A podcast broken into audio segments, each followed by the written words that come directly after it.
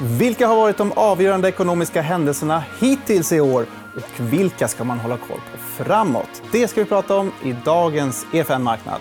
Välkomna!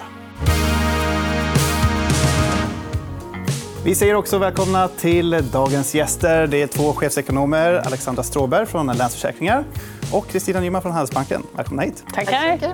Ja, idag ska vi alltså prata om årets stora makroekonomiska händelser. Och vi kan väl direkt börja med världens centralbanker, kanske eh, som ju höjt räntorna i snabb takt här under det senaste året. Eh, och det har ju fått effekter på ekonomin. Eh, hur ser ni på de här snabba räntehöjningarna så här, lite i backspegeln? Mm. Ja.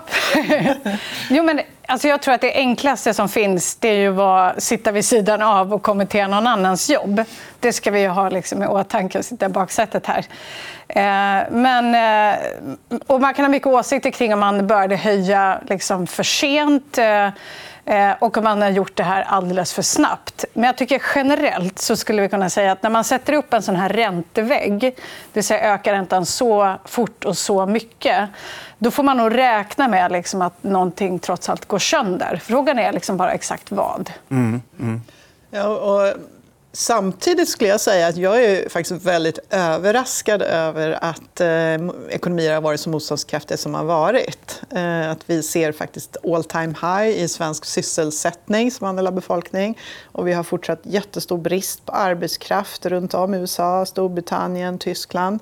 Det hade jag inte förväntat mig med de här snabba räntehöjningarna. Så vi har ju en väldigt tudelad bild. Vi har ju ja. dels det här att det hände saker delvis oväntade, åtminstone att det dyker upp på kanske ställen som man inte riktigt kunde se. Mm. Samtidigt som vi har den här liksom starka bilden. Så det är ju extremt uh, tudelat inom länder mm. snarare än mellan länder. Ja, men verkligen. Och jag menar, om man har suttit här för jag kan ta ett halvår sedan eller ett år sedan kanske och säger så att amerikansk ekonomi de klarar en ränta över 5 mm.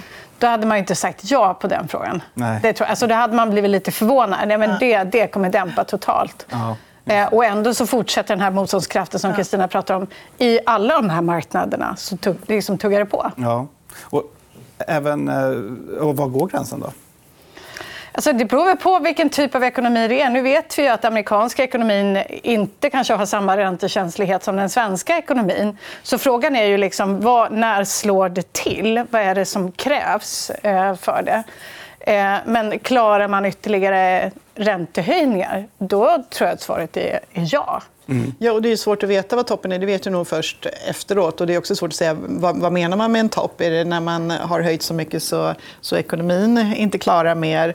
Eh, eller är det när man har höjt så mycket så att inflationen börjar så att man inte behöver höja mer? Mm. Eh, och eftersom penningpolitik verkar liksom med ett till två års lag så, så kommer man inte veta först efterhand. Men det man kan se på centralbanken nu är väl ändå att de börjar gå i mycket mindre steg. Och det är för att räntan har kommit upp högre i nivå. För det är liksom, I slutändan så är det ju räntenivån då som, som spelar om, även om takten också, också har en viss effekt. Då. Ja, just det. Och även förväntningarna från marknaden på centralbankernas agerande har ju skiftat här under året. Eh, Verkligen. Och hur har det påverkat det makroekonomiska och Det är ju fullt kopplat skulle jag säga, till inflationsutsikterna. Där mm. det såg ut i USA ett tag här i slutet förra året, början på året. Ja, men det här det ger sig nog. Vet du. Mm.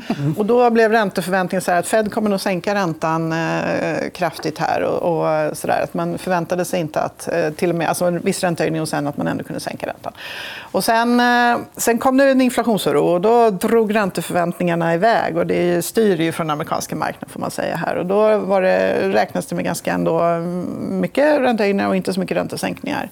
Och sen kom bankoron och då var det liksom, helt plötsligt så var det rejäla räntesänkningar i pipeline. Och nu har det visat sig att ja, nu har det där lagt sig och det är lite inflationsoro igen på olika håll. Så nu är det upp igen här med ränteförväntningar mm. och mindre för, framförallt mindre förväntningar på att USA ska då sänka räntan. För det är det det har handlat om ganska mycket. Ja, väldigt volatilt. Väldigt volatilt. Ehm... Vi kan titta på en bild på Riksbankens räntehöjningar. Eh, den här eh, ränteväggen som du var inne på här, Alexandra. De flesta analytiker räknar ju med att banken höjer styrräntan än en gång i slutet av juni. Nya inflationssiffror som kom under onsdagen eh, bäddar även för det, enligt flera analytiker. i alla fall. Vad håller ni med? Ja, absolut. Och det, det har ju flera skäl. Eh, trots att inflationen faller så finns det ju... Alltså, den faller, men faller den tillräckligt fort? Den faller mindre än förväntat. Och från vilken nivå faller den? Och vilken nivå ska den faktiskt falla till? Det är ju såna här saker. Och det är en ganska lång väg kvar att gå eh, ner till 2 och Den vägen kan, liksom, den kan både vara långsam och den kan vara ganska skakig. Eh, dessutom har vi den här motståndskraften i ekonomi. Vi har fått ganska starka, eller starka BNP-siffror. Eh, och de här sakerna tyder på att vi behöver kväsa den här ekonomiska aktiviteten ytterligare. Mm. Så att jag tycker att eh, onsdagens inflationsutfall det visar egentligen att det finns utrymme att höja räntan om man kommer sannolikt höja räntan. Mm. Ja, men jag, jag håller med. Och, och sen det jag tänker, eh, fortsatt till det där kan man ju också lägga den svaga kronan. Och där sitter ju Riksbanken i en rävsax. Jag tror inte att de egentligen kan göra så mycket åt att rädda kronan. Vi ska prata om den alldeles mm. strax. här. Men, men det är också en, en faktor i här. Eh, ja. Att svag krona då förvärrar inflationsproblematiken. Det jag tänker sen är att man inte ska förvänta sig några snabba räntesänkningar utan att räntan kommer att behöva ligga kvar mm. ganska länge, åtminstone ett år och sen, i vår bedömning och sen ganska långa räntesänkningar, eller långsamma räntesänkningar. Mm. Och jag skulle snarare säga att får vi väldigt snabba räntesänkningar eh, i, i, till och med kanske i år, då är det för att vi har hamnat i en ekonomisk kris som ingen av oss vill vara. Mm. Så att hoppas inte på det. Nej. Men ser du att Riksbanken skulle kunna höja mer under hösten?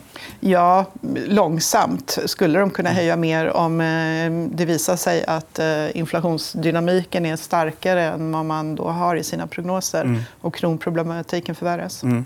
Så svag krona det kan vara en eh, rimlig grund för fortsatta räntehöjningar. Men uppgång för bostadspriserna och en fortsatt stark arbetsmarknad kan också vara det, eller? Ja, men alltså, det är ju hela den här aktiviteten. Och när, när Riksbanken höjer räntan så är det för att lägga den här våta filten eh, över det mesta liksom, att få ner aktiviteten generellt sett. Eh, så att, det är klart att, de, att det är så starkt det kan jag också indikera. Och jag tror också att vi kan förvänta oss kanske att se höjningar av inflationen senare. Eller inflationen, det hoppas jag inte. Räntan i höst. Eh, därför att det, vi vet ju också att det finns problem med att den kan vara lite klistrig. Vi kan bara titta västerut till USA där vi har sett att kärninflationen de senaste tre månaderna ligger liksom runt 5% och går inte ner. Mm. Så att, jag håller med Kristina att det är viktigt nu att hålla i och hålla ut det här eh, så man verkligen får den effekten som man vill. Men det är inte omöjligt att vi fortfarande inte har nått räntetoppen i slutet på juni. Nej. Och nu I mitten på eh, juni så kommer även amerikanska centralbanken Federal Reserve med sitt nästa räntebesked. Något som det känns som alla går och väntar på. Och vi ska säga det, när vi spelar in det här på onsdag så har beskedet inte kommit än. Eh, många bedömare tror att, den, eh, att eh, det kommer bli en eh, räntehöjningspaus. Eh, åtminstone. Men vad skulle ni säga att det beskedet har för betydelse för hur Riksbanken kommer att agera framåt? Så jag tänker nog, det, det är i princip fullt förväntat att, att Fed kommer att ligga stilla. Då. Eh, och, eh, så att man är väl mer ute efter att fundera på vilka signaler de kan skicka om framtiden. Hur komfortabla de är att inflationen är på väg ner och att de kan ligga still. Eller om de känner sig osäkra på det. Mm. Eh, och jag skulle säga att det är väl också det som egentligen är, är viktigast för, för Riksbanken. För Riksbankens del är det ju i, nästa skede ännu viktigare kanske vad, vad den europeiska centralbanken gör. För där är det ju fortfarande räntehöjningar som, som ligger i, i korten. Eh, och det spelar ju en större roll kanske för Riksbankens del. Mm. Men det är klart att USA påverkar liksom alla världens marknader. Så att, eh, men med direkta effekter från ECB skulle jag säga. Men de ligger ändå lite före? USA. USA ligger betydligt före. Inflationen steg ett år innan den gjorde eh, i Sverige och Europa. Så, så låg de betydligt före. Och, eh, så att det är ju en, en signal eh, liksom att, de, att de stannar med räntehöjningarna. Eh, men då har de, det är en signal på att de, om de skulle göra det, då, att mm. de eh, ändå liksom kände sig lite mer komfortabla. Men eh, å andra sidan så har det varit nästan ett år sedan som de hade sin inflationstopp och vi har knappt haft den än. Just det. Nej. Och det blir som att kvällens besked är någon typ av eh, icke-besked som ändå är ett besked i termer av kommunikationen. Det vill säga när de kommer att sitta och dissekera allting som då Powell har sagt för att, för att då försöka avgöra men vad gör de då i slutet på juli. Mm. Det är det man kommer titta mm. efter. Ja, så det. är det alla kommer att sitta där och försöka mm. hitta ledtrådar till. Ja. Eh, vi kan gå vidare. Och vi nämnde ju den svenska kronkursen. Vi kan väl zooma in lite på den. Då, för Den mm. har ju tappat rejält mot stora valutor. Här ser vi en graf eh, för den amerikanska dollarn och vad den har kostat mot kronan under de senaste fem åren. Varför har ehm, kronkursen tappat så mycket i värde den senaste tiden? Ja. Alltså vem, vem, det är 10 000 kronors frågan tror jag. Mm. Det vet ju inte ens... Eh, det undrar Riksbanken också, för övrigt. Så att, eh, kan vi utröna svaret här så jättebra. man kan ha lite teorier ja, men man kan ha Vi avslöjar svaret i ja, marknad Men om man tänker mot den amerikanska dollarn, och det här är ju årlig förändring tror jag, så det är förändring, valutakursen är förändring mot eh, samma period föregående år, om jag ser rätt. Och vi hade ju framförallt mot den amerikanska dollarn så ska jag säga att de flesta valutor försvagades under 2022. Eh, första halvan, kanske slutet på 2021 också. Det var ju för att den amerikanska centralbanken började också höja räntorna mycket, mycket tidigare. Mm. Och det var oroliga tider och då stärks den amerikanska dollarn. Så, mm. så den storyn kanske är aningen eh, enklare. Den är väldigt entydig mellan många länder. Ja. Men ska vi ta eh, Europa då? Eh, för här ser vi en graf över vad en euro kostat i kronor eh, de senaste fem åren. Eh, är det skillnad då mellan USA och Europa?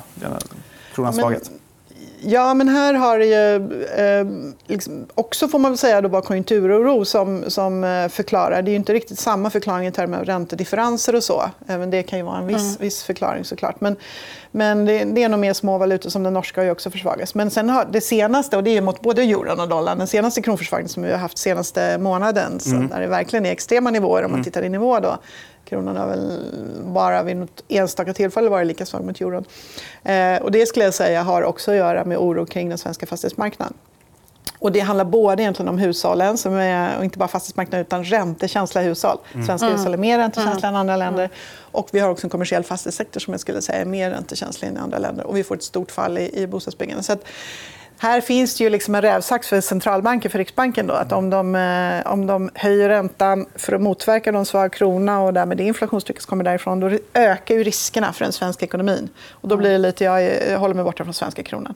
Ja. Och om de inte höjer i linje med andra länder ja, men då är räntor högre i omvärlden än i Sverige. Och då mm. blir det också kapitalflöde till där räntor är högre och då försvagas den svenska kronan. Ja. Så jag tror inte riktigt det är Riksbanken just nu som, som uh, har liksom vad ska man säga, nyckeln till det här? Eller? Nej, och sen så är det ju ingenting, egentligen, visst att den har försvagats, men det är ingenting som är helt nytt heller. Att så fort det är stökigt i världen, mm, då liksom drabbas ju den svenska kronan, eller små valutor mm. generellt.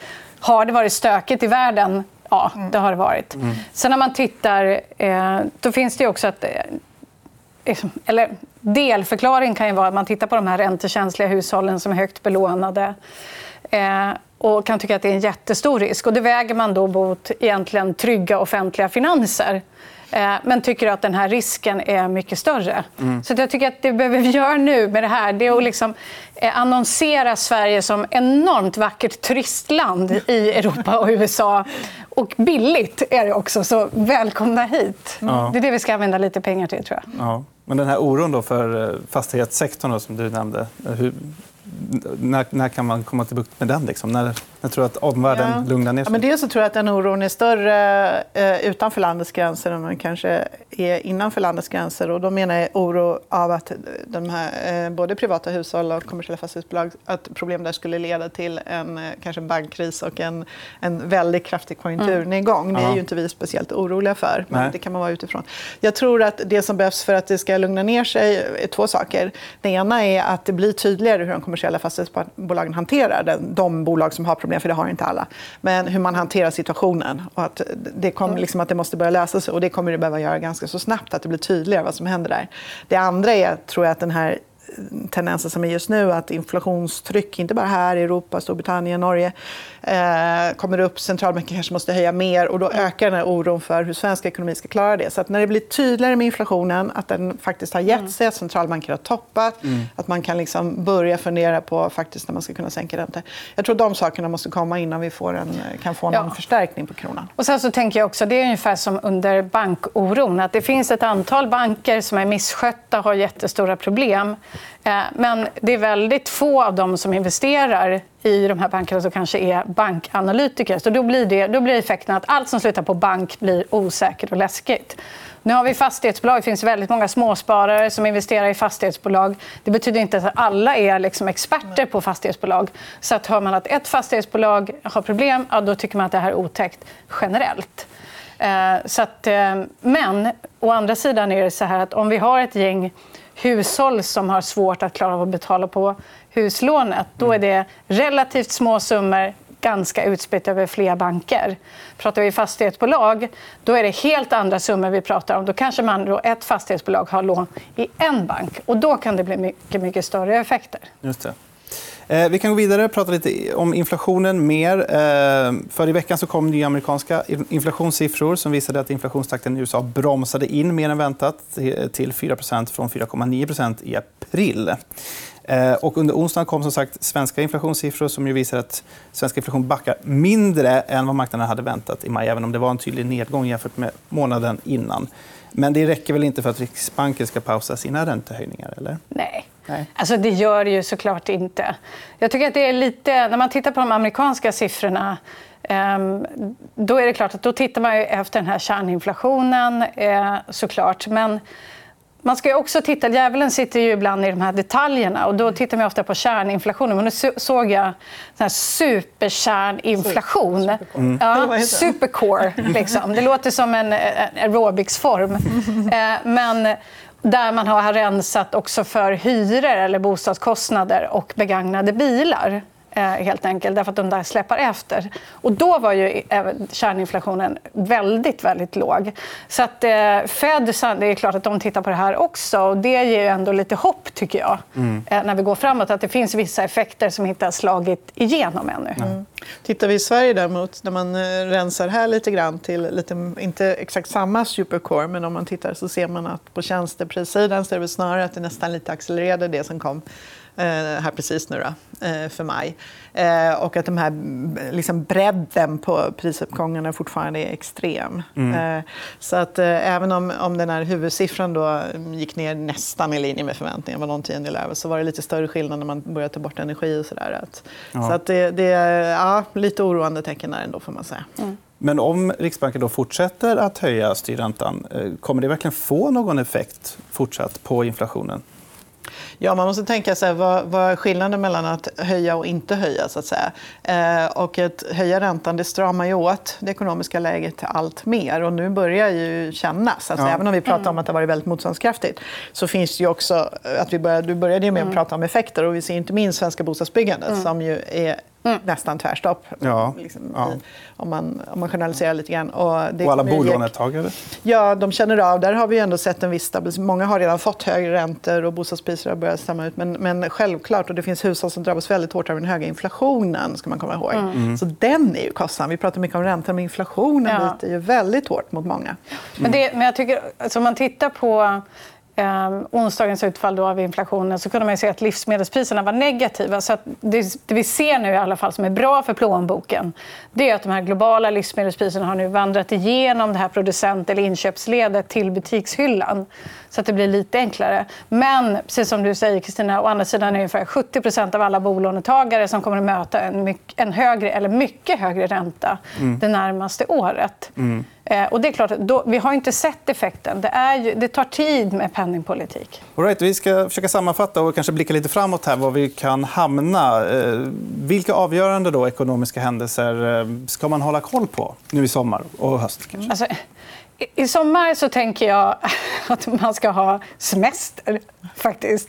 Så om man kan ha semester och inte hålla så himla mycket koll, det, tror jag, det är det första rådet. Om man ska hålla koll, då hade vi jag tittat på eh, framförallt inflationsutfall, eh, kollat på BNP-indikatorn och eh, Fed-beslutet slutet på juli. Mm.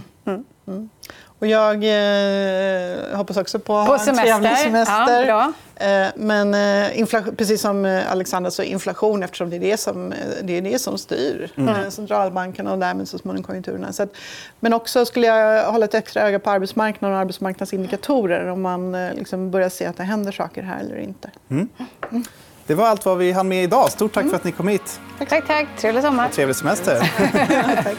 Du har lyssnat på EFN Marknad, en podd som produceras av EFN Ekonomikanalen. Du hittar programmet även i videoformat på Youtube och på efn.se. Kom ihåg att prenumerera på podden och följ oss gärna på Instagram för fler aktietips. Där heter vi EFN Aktiekoll. Ansvarig utgivare är Anna Fagerström.